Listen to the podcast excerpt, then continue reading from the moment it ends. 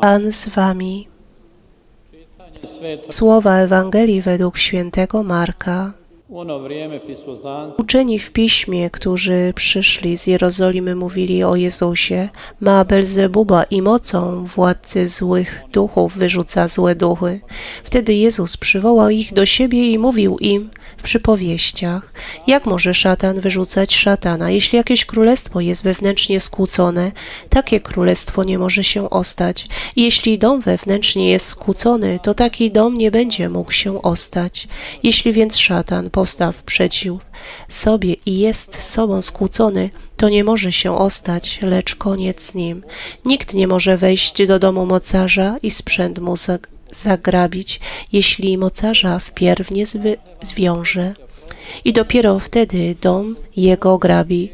Zaprawdę powiadam wam, wszystkie grzechy i bluźnierstwa, których by się ludzie dopuścili, będą im odpuszczone. Kto by jednak zbluźnił przeciw Duchowi Świętemu, nigdy nie otrzyma odpuszczenia, lecz winien jest grzechu wiecznego. Mówili bowiem, ma ducha nieczystego. Oto słowo Pańskie. Bracia i siostry, dzisiejszy dzień stawia przed nami rozważania e, o przeciwstawnych poglądach. Jeśli chodzi o Ewangelię, pomoże nam tu Słowo Boże. Pierwsze negatywne podejście to faryzeuszy i uczonych w piśmie do wszystkiego, co Jezus czynił i głosił. Innym przykładem jest święty Franciszek Salezy, którego dzisiaj wspominamy i który wykorzystał wszystkie swoje zdolności, aby uwielbić Boga we własnym życiu. Rozważmy ten pierwszy przykład. Jezus przyniósł światło najpierw tym, którzy byli w potrzebie. Pokonał szatana i pokazał, że czyni to mocą Ducha Świętego i że Duch Święty w nim spoczywa. Jednak niektórzy to zaakceptowali, a inni nie przyjęli.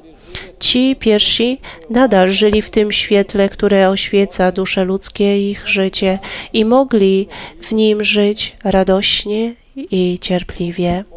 Inni pozostają w ciemności swojego egoizmu i zamykają oczy na to światło, ponieważ są tak zaślepieni w ciemności egoizmu i lęku, że nie widzą piękna i ciepła światła, które przynosi Jezus Chrystus. Zatwardziałość serca i zamknięcie drzwi przed prawdą wyklucza ich z bliskości Boga i niestety wielu, którzy uwierzyli w ich słowa.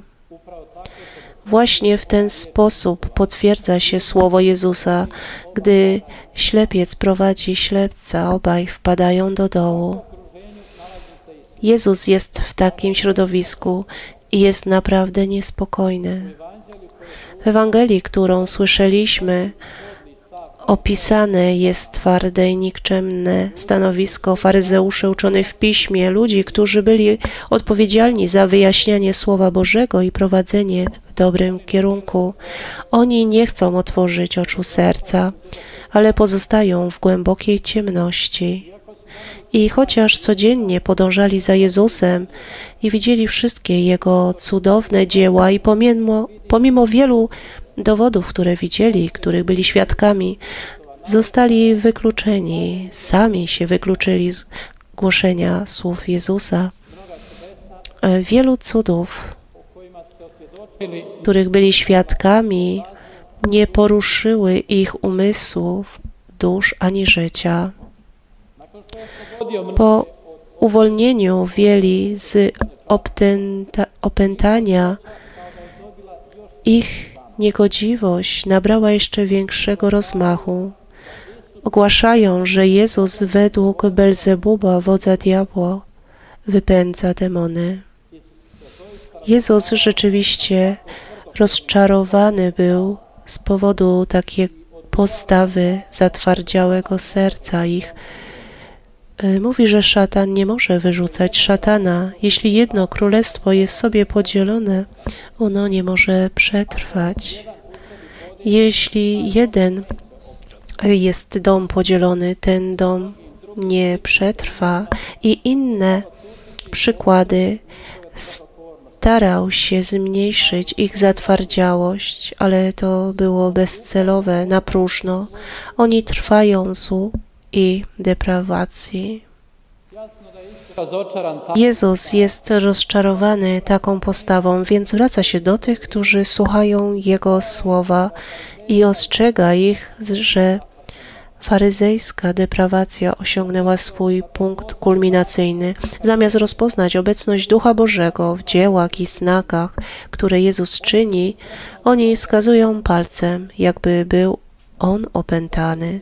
Dlatego Jezus mówi wyraźnie: Zaprawdę powiadam wam, wszystkie grzechy i bluźnierstwa, które by się ludzie dopuścili, będą im odpuszczone.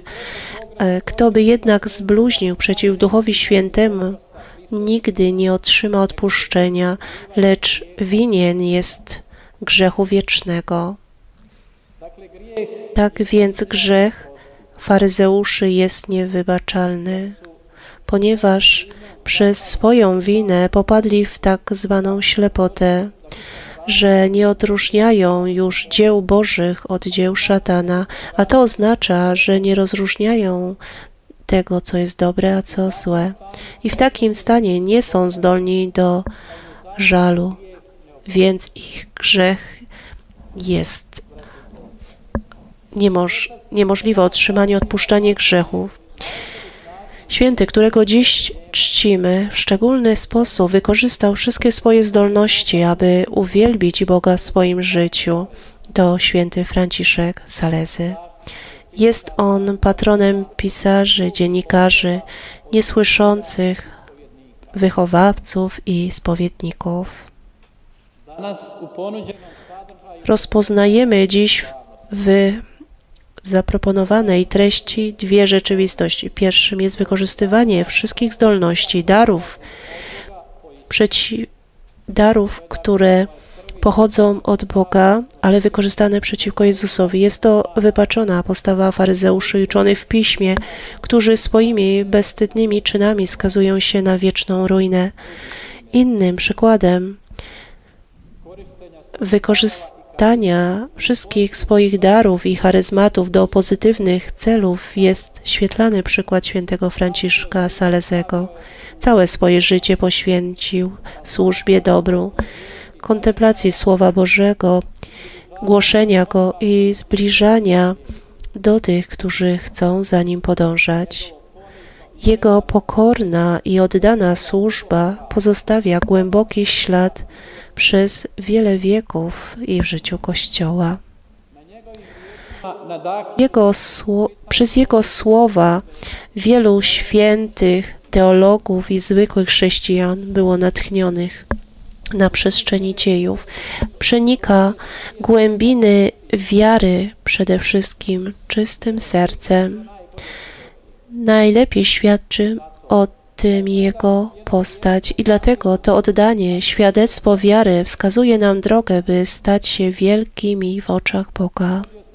Urodził się w 1567 roku w Sale Savoy w Paryżu. Przez pewien czas studiował języki i filozofię, a następnie w Padwie studiował i uzyskał doktorat z prawa i teologii. Jego rodzice mieli swoje intencje i przygotowywali grunt, by ich syn stał się sławny i więc ojciec jako wpływowy hrabia dał mu miejsce w senacie Sabaudi, ale Franciszek wyznaczył sobie własny kierunek życia.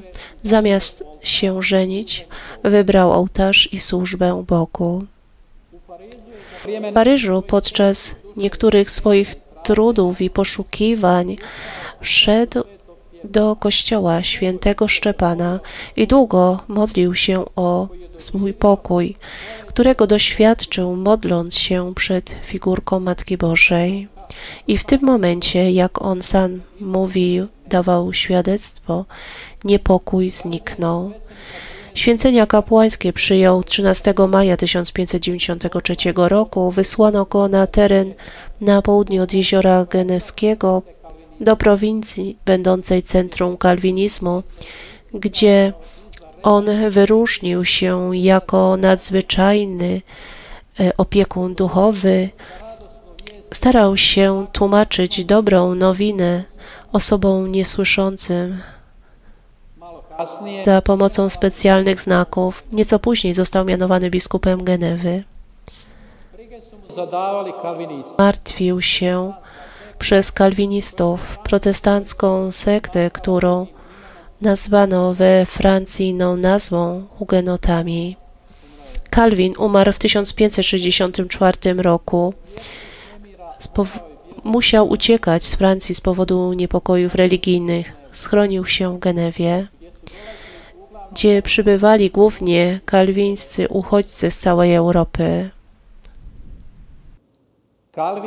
Kalwin był prześladowany głównie za swoją naukę o predestynacji, więc Twoje dobro ani e, uczynki nic Ci nie pomagają. Jeśli już na tym świecie jesteś skazany na piekło, nikt nie może Cię z niego wybawić. Według tej nauki ludzka wola nie odgrywa żadnej woli, roli. E, Zbędnym jest walka o dobro, jeśli jesteś już e, wpisany na piekło.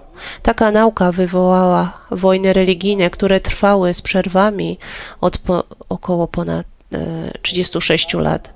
Wojny te wspominają słynną noc Bartłomieja, kiedy to święto świętego Bartłomieja 24 sierpnia 1572 roku zginęli najwybitniejsi hug- hugenoci. Biskup Franciszek zrobił wszystko, co mógł, aby uspokoić to, tą sytuację. Głosił do dwóch razy dziennie. Jako biskup Genewy zdołał nawrócić na katolicyzm dziesiątki tysięcy ludzi. Ze względu na swoją osobowość, wysokie wykształcenie i proste życie nazwano go świętym dżentelmenem. Był człowiekiem o łagodnym temperamencie i wielkiej wnikliwości. Napisał wiele dzieł teologicznych i rozważań. Wyzna, Najbardziej znana księga to Wprowadzenie do życia pobożnego Filotea i Teotym, czyli traktat o miłości Bożej. Nawet dzisiaj cytowane są jego słynne powiedzenia, tak jak Wyznacz pół godziny na modlitwę każdego dnia. Chyba, że masz dużo pracy do wykonania, to w tym przypadku wyznacz godzinę. E, inne zdanie. Kropla prawdziwej miłości jest cenniejsza niż morze wiedzy. Święty Franciszek był współzałożycielem żydowskiego zakonu sióstr nawiedzenia Najświętszej Maryi Panny, a także założył kongregację oratorium. Kiedy głosił kazania w Dion w 1604 roku, poznał baronową de Chantal. Jonna de Chantal straciła męża barona podczas polowania. Została szczurką dzieci i całkowicie poświęciła się Bogu. Spotkała Dion świętego Franciszka. Przewidział zakon nawiedzenia, by troszczył się o biednych i chorych. Współpracowniczką i pomocniczką była dla niego baronowa de Chantal. Ona została ogłoszona świętą w 1767 roku ze względu na świętość życia. Zakon Salezjanów założony w 1859 roku przez księdza Jana Bosko, zgromadzenie niezwykle ważne w rozwoju współczesnego Kościoła. został później nazwany jego imieniem. W swoim życiu i nauczaniu, przepełniony człowieczeństwem i szerokością serca, osiągnął wspaniałą harmonię między chrześcijaństwem i kulturą. Pismo Święte jest dla niego radosnym przesłaniem, które wyzwala człowieka i podnosi na duchu. Franciszek zmarł 28 grudnia 1622 roku w Lyonie. Przypisuje mu się wiele cudów. Papież Aleksa, Aleksander VII beatyfikował go w 1661 roku, a 8 kwietnia 1665 roku mm, został kanonizowany. Papież Pius IX w 1870 ogłosił go doktorem Kościoła. Bracia i siostry, niech przykład świętego Franciszka Salezego będzie otwartą zachętą do życia i świadectwa wiary w naszych czasach i naszych okolicznościach. Amen.